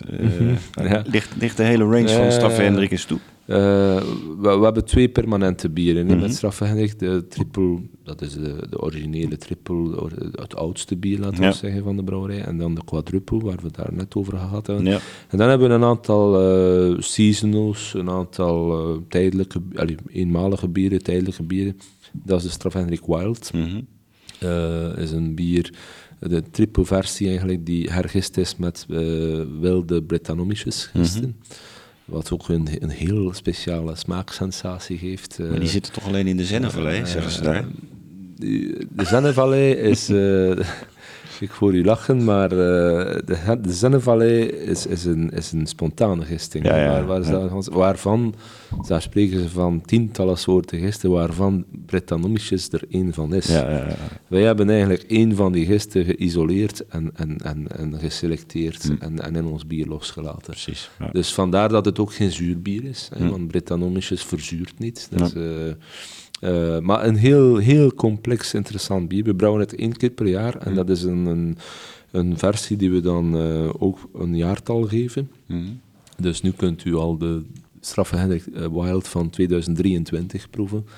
En, eh, en die veroudert ook goed. Hm. In tegenstelling tot veel trippelbieren of zware blonde bieren hebben eigenlijk niet zo'n goed verouderingspotentieel.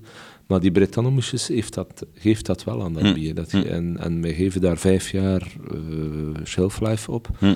Wat op zich eh, uniek is voor een trippelbier. Ja. En dat evolueert ook. Dus we hebben al vertical tastings gedaan, ik denk zelfs samen. eh, waarbij je echt ja, de, dat type bier kunt laten evolueren. Ja, ja, ja. Heel, heel leuk. We doen het één keer per jaar. Komt Hm. dit voorjaar uit. Dus heel, heel leuk. Daarnaast hebben we dan een, in het najaar ook een seasonal, de Heritage. Dus Ja. de, de strafhendig Heritage. Eh, dat is dan de quadruple versie die hout gelagerd wordt. Ja. Ja, ehm, eh, minstens een jaar hout gelagerd. Mhm. Tonnen van verschillende origines. eh, nieuw hout, maar ook hout dat uit cognac en uit rum en, en, en dat soort dingen komt. Mhm. Dus een mooie blend, maar wel 100% ook aged. Hè. Want tegenwoordig hout wil daarvoor niet zeggen dat het ooit op een ton gelegen heeft in de bierwereld. Er worden ook wel snippers Eh, gebruikt en dergelijke. ja, Ja, maar ja, in, ja. de- in dit geval absoluut niet. Daar Nee. is het echt een, een 100% eikhouten lagering. Ja, en die quadruple leent zich daar wel heel Absoluut, goed toe. Dat ja, is ja. echt een type bier dat zich daar goed toe leent. Maar dat blenden jullie dan? Want je noemt cognac, eh, Ja, ja, dus, dus, we hebben- dat wordt we eigenlijk een mix van alle... tonnen van verschillende origines Ja, die ja, ja. elk jaar ook een stuk worden vernieuwd. Want Ja. je kunt niet die tonnen blijven herbruiken. Nee. Dat verliest ook zijn smaakpotentieel. Hm. We hebben de laatste jaren ook wel een stuk geïnvesteerd, meer en meer in nieuw hout trouwens Hm. ook. Dus waarbij je echt puur de, de tannines dan gaat, gaat selecteren Ja. met verschillende toasts eh, enzovoort. Eh, dus heel interessant. Hm. Eh, dat is die heritage en dat heeft ook weer een, een heel mooi verouderingspotentieel. Ehm, en recent hebben we dan ehm, ja, toch een, nog eens een andere blend gemaakt en dat is dan de Christmas blend. Wat we ook maar selectief eh, en in beperkte hoeveelheden doen. Maar we kregen zo dikwijls de vraag van, hebben jullie kerstbier? Waarom maken jullie dat niet? En ja, er is daar toch vraag naar. En waarom eh, kunnen jullie ni- niet eens iets origineels doen met kerstbier? Ja. En in plaats van er dan een nieuw bier van te maken, hè, eh, hebben we inderdaad gezegd, we maken er een Christmas blend van. En dat is inderdaad een blend van verschillende quadruples. Allemaal quadruples. Eh, een stuk van de, ja, een aantal houtgelagerde, een aantal, eh, maar ook een aantal gewoon niet houtgelagerde quadruples. Wat oudere, wat jongere. eh, en daarvan een speciale blend gemaakt. Hm. Eh, ook weer gelimiteerd, want we hebben, dat is ook maar beperkt be- be- beschikbaar al die Ja. ja, Christmas blend voor, ja, het is beperkt be- beschikbaar hoor. In Nederland ook, eh, de Hmm. grote fles eigenlijk. eh, we gaan dit jaar eens een test doen met, met beperkt ook eh fustebier. Hmm. Maar ehm, dat, ja, dat is iets wat eigenlijk pre-sold is en wat, waar, waar mensen ja, de echte liefhebber wel staat op te wachten. Ja, ja. Maar dat zijn echt seasonals. Echte Zowel de degustatiebieren. Wild, de Heritage, de, de Christmas Blend. Dat zijn echt degustatiebieren voor de liefhebber. Soms wel niet gemakkelijk te vinden ook, Hmm. in, in alle eerlijkheid. Maar eh, daar, is, daar is wel een, een bepaalde markt voor. Mensen zijn daar wel in, in geboeid. Ja, ja. En, eh, maar dat is zeker niet mainstream. Nee, nee, duidelijk. Het is wel leuk als brouwers om toch af en toe eens ook iets in die aard te kunnen doen. Ja, eh, Nou ja, en het zal ook zeker financieel een mooi margeproduct zijn. Het zijn natuurlijk toch wat exclusievere producten. Je hebt weer die schaarste. Ja, dat klopt, maar als je puur productietechnisch bekijkt, Is dat niet zo. Nee. Eh, als je zou bekijken eh, op welke bieren wij het, het betere rendement halen, dan is dat niet op die season. Nee, dat zijn volumebieren. en Mensen denken dan van, Hm. allee, dat is toch een duurder bier, en dit, Hm. maar dat, dat is eigenlijk niet helemaal zo. Want je moet, daar gaat veel tijd in, eh, heel speciale manier van werken, Hm. eh, voor kleine volumes. Dus, dus eh, dat is soms een misvatting. Oké. ja. Maar ehm, ja, nu alles hangt ervan af. Met cijfers kun je alles bewijzen Ja, ja, ja. natuurlijk. eh, maar dat klopt niet helemaal. Nee, ik begrijp het. Volume is natuurlijk altijd eh, nog... Dat is wel een heel belangrijk aspect in kostprijsberekeningen. Precies, precies. In september 2022, eh, we zijn nu bijna aan het eind van, van, van de hele rij door de geschiedenis van, van de halve maan, eh opende je de totaal vernieuwde bottelerij hier in Ja. eh, dit pand. Eh, ook aan het Waggelwater, een groene bottelerij, investering van 20 miljoen weer. Ja, dan denk ik, waar haal je dat geld dan weer vandaan? Want je had net die bierpijpleiding gedaan. En, Mm. en, Ja, inderdaad. En ehm, ook COVID die nog gepasseerd is tussendoor. Dus, maar we waren inderdaad een beetje aan de limieten gekomen van de oude, allee, de oude bottelarij, de bottelarij die we in 2010 gezet hadden. Mhm. Eh, die- heel, de- heel dat verhaal was gezet in het idee van ongeveer een productie van 50.000 hectoliter te kunnen doen Mhm. op jaarbasis. En eh, ja, we hebben dat bereikt in, rond het jaar 2010. Ja. Eh, dus zaten we daar weer met ja, een bottleneck. Wat gaan we nu doen? Moeten we het dan weer ja, gaan uitbreiden? En, en, en ja, een bottelaarij is niet zo gemakkelijk uit te breiden. Nee. Dat is een serie van machines. Je kunt wel zeggen, ik ga een nieuwe labeler zetten of een nieuwe uh, kroonkurkenmachine, maar dan blijft uiteindelijk heel die cadans altijd dezelfde. Ja. Dus ja, dan hebben we een soort masterplan gemaakt. En dan, oké, ja, wat is dan de ideale size? En, en uh, ja, ook eens gezien wat kunnen we eigenlijk überhaupt op het Wouwplein ook behalen van Hmm. mogelijke capaciteit. En het idee is dan toch gekomen van eigenlijk opnieuw Greenfield van een wit blad te starten. Ehm, en eh, ja, ook rekening te houden met de best beschikbare technieken, duurzaamheid. Je zegt zelf een groene bottelarij. Hm. Ja, wel. Als je dan terug van een wit blad moet starten, ja, wat is dan de ideale opstelling eh, om bepaalde rendementen en flexibiliteit te, te, te, te bekomen en duurzaamheid? Hm. En, eh, en dat is inderdaad de investering geweest. We hebben de schop in de grond gestoken in het najaar 2019, dus net voor dat fameuze beestje Ja. gestart is. ja, ja. En, ehm, en het heeft dan inderdaad een, een dikke twee jaar geduurd eh, om het vorig jaar dan volledig te kunnen openen. Hm. Maar ehm, ja, de, die bottelaar heeft een, ja, een, een veel grotere capaciteit. hè. Hm. We kunnen eigenlijk gemakkelijk naar 100.000 gaan daarmee, eh, hectoliters op jaarbasis. Dus eh, het, is een, het is een grote stap. eh, financieel niet in de meest evidente periode. Dus Hm. ehm, we hebben trouwens vorig jaar nog eens een crowdfunding gelanceerd. Mhm. Ehm, om een aantal extra investeringen in die bottelaarij te gaan doen rond duurzaamheid. Hm. terug. We hadden de, ervaring met eh bierpijpleiding, Ja. dat dat toch wel heel eh, mooi ehm, gelukt was. Ja. Dat mensen dat toch wel exciting vinden, zo'n duurzaamheidsverhaal. Hm. En hebben we inderdaad vorig jaar nog, ehm, ja, ook midden in die energiecrisis natuurlijk, eh, toch even nagedacht van hoe kunnen we ons nog wat minder afhankelijk maken van meneer Poetin. Ja. Ja. En, eh, en hoe kunnen we dus op die manier ehm, eh, ja, een stuk van onze energie zelf gaan maken. Ja. Dus zonnepanelen, ehm, afvalwater eh, reinigen en vergisten om daar biogas uit te gaan halen. Eh, dus dat zijn allemaal wel ehm, ja, duurzame projecten waar we eerlijk gezegd niet meer de middelen toe hadden. Nee, want op nee. dat moment zaten we ja, net op het einde van onze zware investeringen. Hm. En waar we dus eh, gedacht hebben van laat ons hier een, terug een crowdfunding Hm. voor doen. En dat Eh, ging ook heel snel, hè? Dat was... eh, ja, we hadden 2 miljoen nodig Ja. om al die duurzaamheidsprojecten te doen. En dat is in 24 uur ingevuld Ja, ja, Dus dat was ook veel sneller dan eigenlijk verwacht. ja.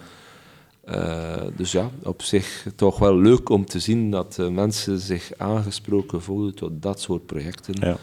Eh, en dat duurzaamheid echt wel Een echt, issue is. ja. ja, mooi. Ja, de- de- je noemde het al even de corona-ellende en de pandemie. Daar hebben jullie, net als heel veel andere brouwers, natuurlijk ook veel last van gehad. Komt dat ook omdat jullie, met name ook met de Brugse Zot, natuurlijk ook echt wel een horeca-bier zijn? Zeer zeker. Hè. Dus eh, ik, ik durf te zeggen dat meer dan de helft van onze omzet nog altijd Ja. voornamelijk horeca gerelateerd Ja, is, ja. evenementen ook. Dus, eh, Dan gaat het hard. dus Als dan, het, we hebben natuurlijk wel gezien tijdens die coronaperiode, en zeker in Nederland hebben we dat gezien, dat, dat in grootwarenhuizen het verbruik natuurlijk wel omhoog ging. hm. Maar toch, eh, dat was onvoldoende om te compenseren wat we verloren aan horeca en Ja, evenementen. hè. ja, Ja, ja, zoiets. dus dat waren eh, zware jaren. Ja, ja, ja, absoluut. Jij bent Eh, nu 99% aandeelhouder, als ik het goed heb, van het familiebedrijf. Want het is natuurlijk nog steeds een familiebedrijf. Eh, van- wie is dan die andere 1%? Mijn moeder. Ah. Ja, die is nog altijd aan boord. Ja. Kijk, kijk, kijk. Wat mooi. En ehm, eh, als er zich ooit iemand eh, van een grote brouwerij, eh Alkemaas of ik noem maar wat, op, meldt om jullie bedrijf te kopen, over te nemen, ben je dan daartoe bereid? Of heb je zoiets van, dat moet altijd een familiebedrijf blijven?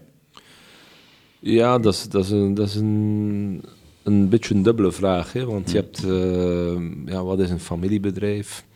Ehm, moet, dat, moet je dan per se 100% aandeelhouder zijn als familie? Dat, Hm. dat is altijd de grote vraag. Hè? En, en nu op zich, voor alle duidelijkheid, het is niet dat, we, dat, dat het bedrijf te koop staat of Hm. dat we nu actief op zoek zijn naar, eh, naar een overnemer. Eh, maar ja, je, je moet natuurlijk altijd nadenken hè, van wat is voor het bedrijf het beste. Op zich zijn wij nu als familie zeker gemotiveerd om het eh, echt op lange termijn ook verder als familie te blijven Ja, doen. ja. En eh, vandaar, we zijn niet echt op zoek naar, eh, naar, naar een overnemer as such. Maar goed, we hebben tijdens de, het groeiparcours wat we nu eh, de laatste 18 jaar gevolgd hebben, ook al wel creatieve oplossingen gevonden Mm. met crowdfunding, met achtergestelde leningen soms van investeerders zelfs. dus, dus er zijn altijd wel een aantal ja, creatieve mogelijkheden Ja. om ook financieel te zorgen dat we die groei ook kunnen blijven aanhouden. Ook. Ja, en en ja. dat is ook wel ons verhaal geweest de laatste 18 jaar. Hè. Ja, maar goed, de andere kant van het verhaal is natuurlijk ook als je naar de geschiedenis van de Belgische familiebrouwerijen kijkt. eh, en zeker vroeger, eh brouwersfamilies waren altijd met elkaar getrouwd of eh, het zat altijd in- letterlijk in de familie. Ja. mhm. Dus in die zin heb je al, ben je al iemand tegengekomen van collega-brouwerijen waar je misschien een mooie relatie mee kan opbouwen. Ik ben eh, heel gelukkig in de relatie, dus, Ja. dus op dat vlak is, er, dat eh, is, er, eh, zie ik niet direct opportuniteiten. Nee, nee, nee. Maar ehm, nee, nee, maar goed, ja, dat, dat klopt. eh. maar ja, nogmaals, we, moeten, we moeten ons wel bewust zijn dat brouwen een, een heel kapitaalsintensieve bedoeling is. Zeker op de manier dat wij het doen. Hè, want wij, doen geen, allee, wij laten niet ons bier ergens brouwen en we willen het ook zelf allemaal doen. Hmm. Dus we investeren ook heel zwaar in productie en kwaliteit enzovoort. Dus, dus dat, dat is gewoon een heel kapitaalsintensieve sector. En Ja. gecombineerd met dat groeiverhaal, ja, moeten wij inderdaad ook altijd wel kijken van hoe kunnen we dat allemaal wel eh dichtfietsen. Ja, ja, en dat ja. lukt ook tot nu toe altijd allemaal heel goed. Hè? Dus daar, daar Mm. mogen we niet, niet over klagen. nou ja, maar opvolging Maar is dus, dan eh, natuurlijk ook altijd een dingetje. Ik bedoel, eh, Ja, eh, opvolging. Maar goed, ik ben eh, nog niet aan pensioenleeftijd. Nee, nee, nee, En, nee. eh, Ja. en ja, de, mijn zussen hebben kinderen enzovoort. Dus, dus we zullen wel zien hoe dat, dat dan verder in de familie eh, zal gaan. Ja. En, eh, en ja, je hebt ook zo, eh, zoiets als, eh, je kunt als familie actief zijn, uiteraard. Maar goed, ja, hoe dat dan operationeel allemaal nog loopt, Mm. is nog een andere vraag. Ja, Dus, dus, eh, dus, dus wie is wel of niet eh, operationeel actief in het bedrijf, Ja. eh, dat zijn ook nog familiale kwesties. Ja, die, ja. Die, die, maar dat zijn ook opportuniteiten om soms oplossingen te zoeken en te vinden. Maar inderdaad, momenteel zijn we als familie zeker gemotiveerd om, om aan zet te blijven Ja, en, ja, ja. En, en nog vele jaren verder te blijven brouwen. ja, dat was de familie Bosteels ook volgens mij. Maar die eh, hebben toch... eh, Eh, ja, maar goed, dat, daar heb ik niet veel mee te maken. Ik kan alleen maar spreken voor ons verhaal. Dat, trouwens, dat is ook de betrachting geweest van Ja. de herstart in 2005. Had dat puur het idee geweest van, ja, we willen daar... eh, ehm, we gingen ons dan niet zo zwaar gelanceerd hebben, mocht dat eh, de bedoeling zijn om, eh, om het na een paar jaar alweer te gaan verpatsen. Mm, dus nee, eh, is een feit. ja. Jouw kennende zit jij ook zo niet in elkaar, volgens mij. De Halve Maan is ook al jaren betrokken bij de Belgian Family Brewers, hè, de organisatie van familiebrouwerijen. Daar ben jij ook heel actief altijd bij betrokken. Waarom en, en hoe belangrijk is dat? Wel, ik denk dat het meer dan ooit belangrijk kan het worden is, omdat ehm, mensen vinden herkomst van hun bieren ook wel heel belangrijk. Hm. En ehm, in, in tijden dat inderdaad consolidatiebewegingen en producties verhuizen of gesloten worden, eh, of eh, bespaard wordt ook op productie enzovoort, denk ik dat we met Belgian Family Brewers eh, een label gecreëerd hebben dat toch een aantal garanties kan geven aan, aan, aan, aan onze consumenten. Zeker als het ook gaat over het Brewed in Belgium verhaal. Hm. Eh, als je dit label ziet op een fles, dan kun je zeggen van dat bier komt ten eerste uit België, maar bovendien ook uit een authentieke familiale Ja. brouwerij. Ja. En ik denk dat dat toch ehm, ja, relevant is. eh, Absoluut, In tijden ja. dat je toch ziet dat Belgian beer of Belgian style niet altijd nog ja, eh, zo authentiek uit België komt. Hè. Maar goed, dan heb je ook wel eens dingen dat er eh, iets in de weg zit, zoals brouwerij de Halve Maan in Hulst. Want dan denk je van, ja, wacht even, er is maar één Halve Maan en die komt uit Brugge. Oh, dat verhaal, ja. dus daar heb je toen, eh, Ehm, die heb je toen uitgekocht. Je hebt eigenlijk verteld van, joh, die naam die mag je niet meer gebruiken. Dat is een, een, rechtszaak geweest volgens mij. Of... Daar is nooit tot een rechtszaak Oh, gekomen, gelukkig. Ja, onder brouwers eh, kan het gelukkig wel op andere manieren. Gelukkig, dus, ja, nee, nee. Maar het klopt, dus historisch ehm, bestond er inderdaad een brouwerij, de Halve Maan in Hulst. Ja. Eh, die was wel niet zo oud als de Halve Maan in Brugge, maar goed, die hadden toch ook wel een, een bestaansreden. Hm. Maar we vonden dat gewoon wat verwarrend. Ja. En eh, daarom hebben wij inderdaad op een bepaald moment met eh, de familie Vermeeren, was dat, Vermeersen. eh, Vermeersen, sorry. Ehm, ja, dat gesprek gehad van, omdat we ook zagen dat ze eigenlijk die naam de halve maan niet meer zo actief benutten. Nee. Dat zat ook niet in hun merken.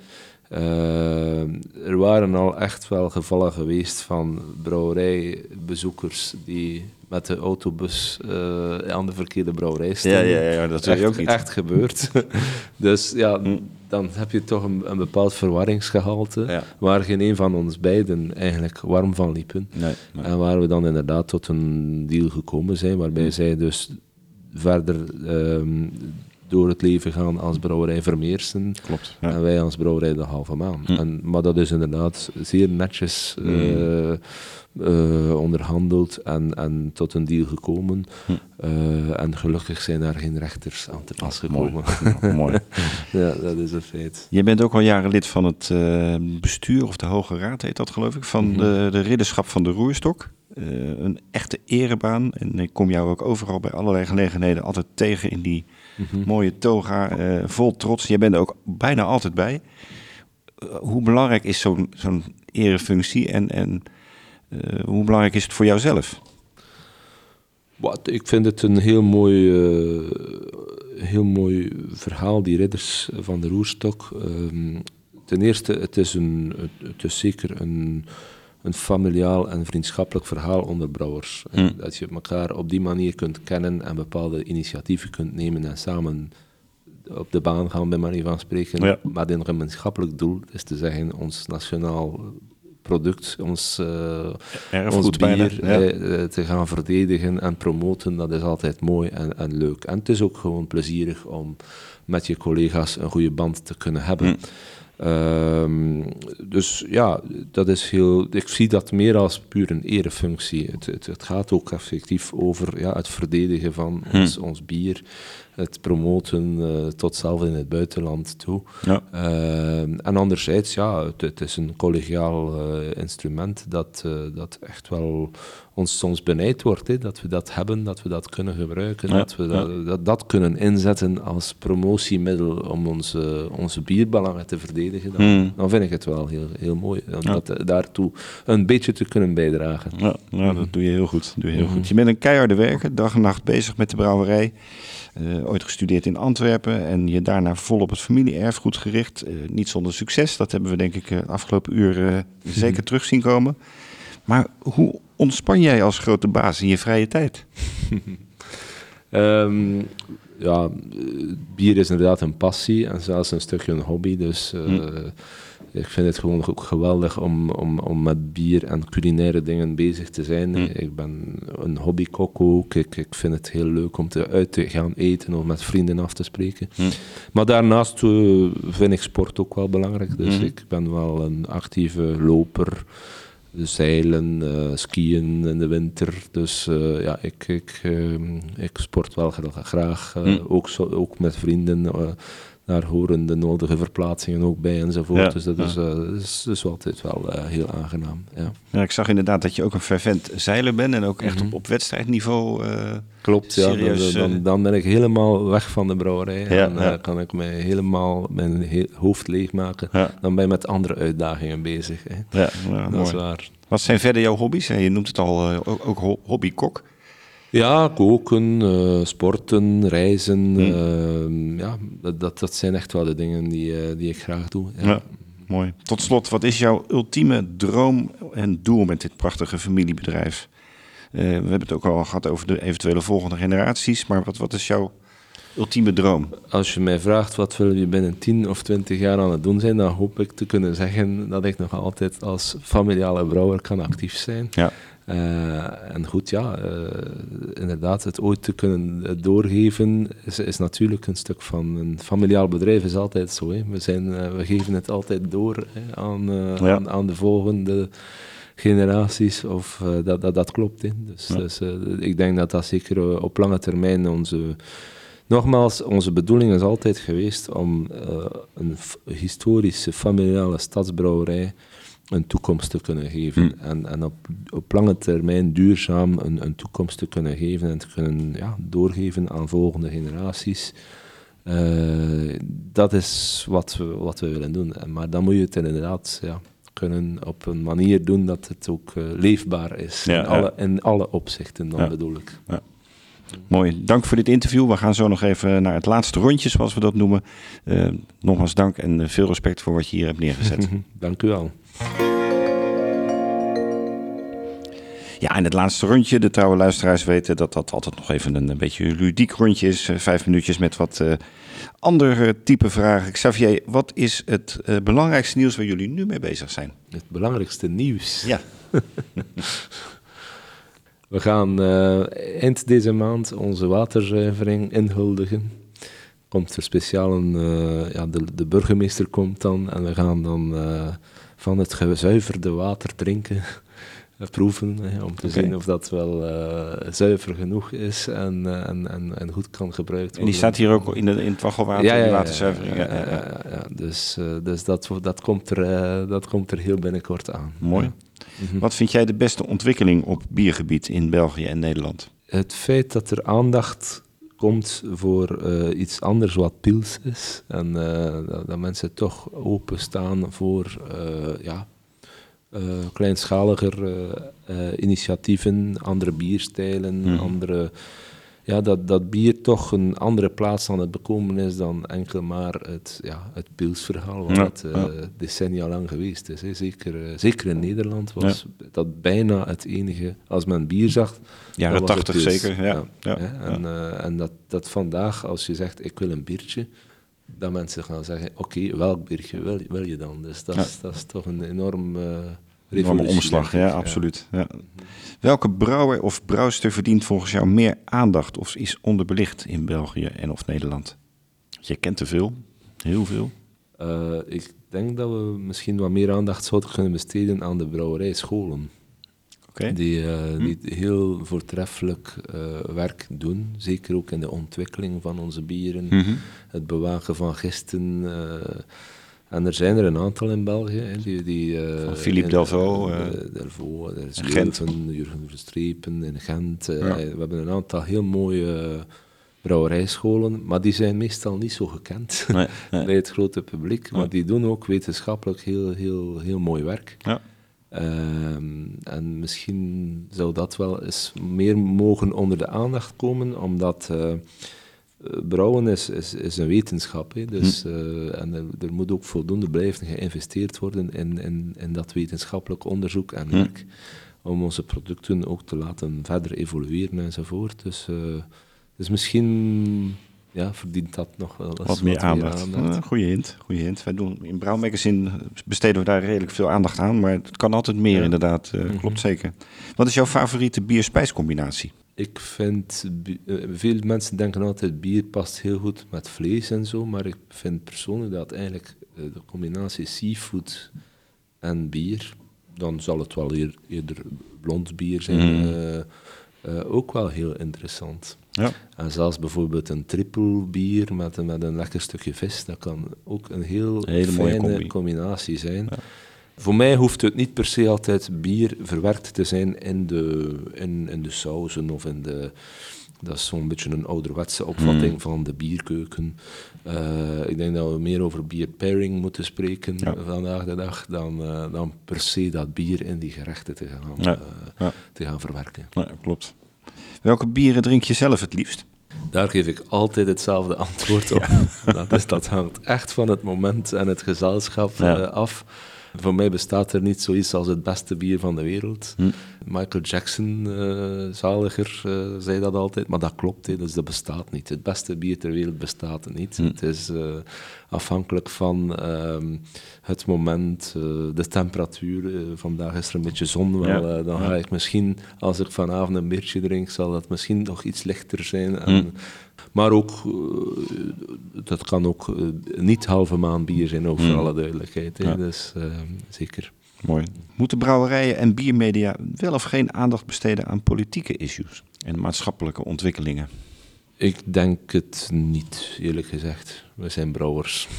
En ehm, ik denk niet dat wij ons moeten bezighouden met eh, uitspraken te doen. Allee, zeker politieke uitspraken te gaan doen over Hm. bepaalde opvattingen of tendensen. Tenzij het ons aanbelangt natuurlijk. Hm, hè. hm. Dat is iets anders. Als Ja. je gaat spreken over bier in de maatschappij, alcohol, hoe gaan we daarmee om, dat soort zaken. Daar vind ik het wel heel belangrijk dat brouwers voor gehoord Ja. worden. Ja. Maar eh, bij manier van spreken, wat gaan we eh, politieke eh, kwesties? Ik denk dat dat beter bij de politiek blijft Ja, en dat we daar als brouwers zo ver mogelijk vanaf blijven. Ja, ja, ja. Laatste vraag. Op wie gaan we proosten met ons laatste glas bier?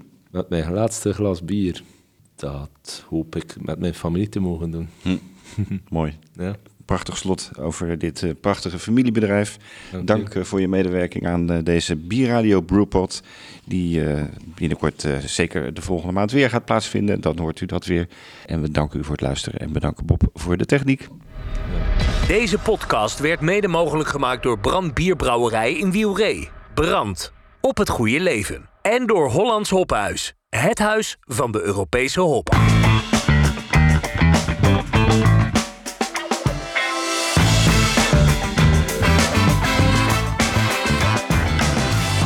Thanks for listening. Until next time at the Brew Pod.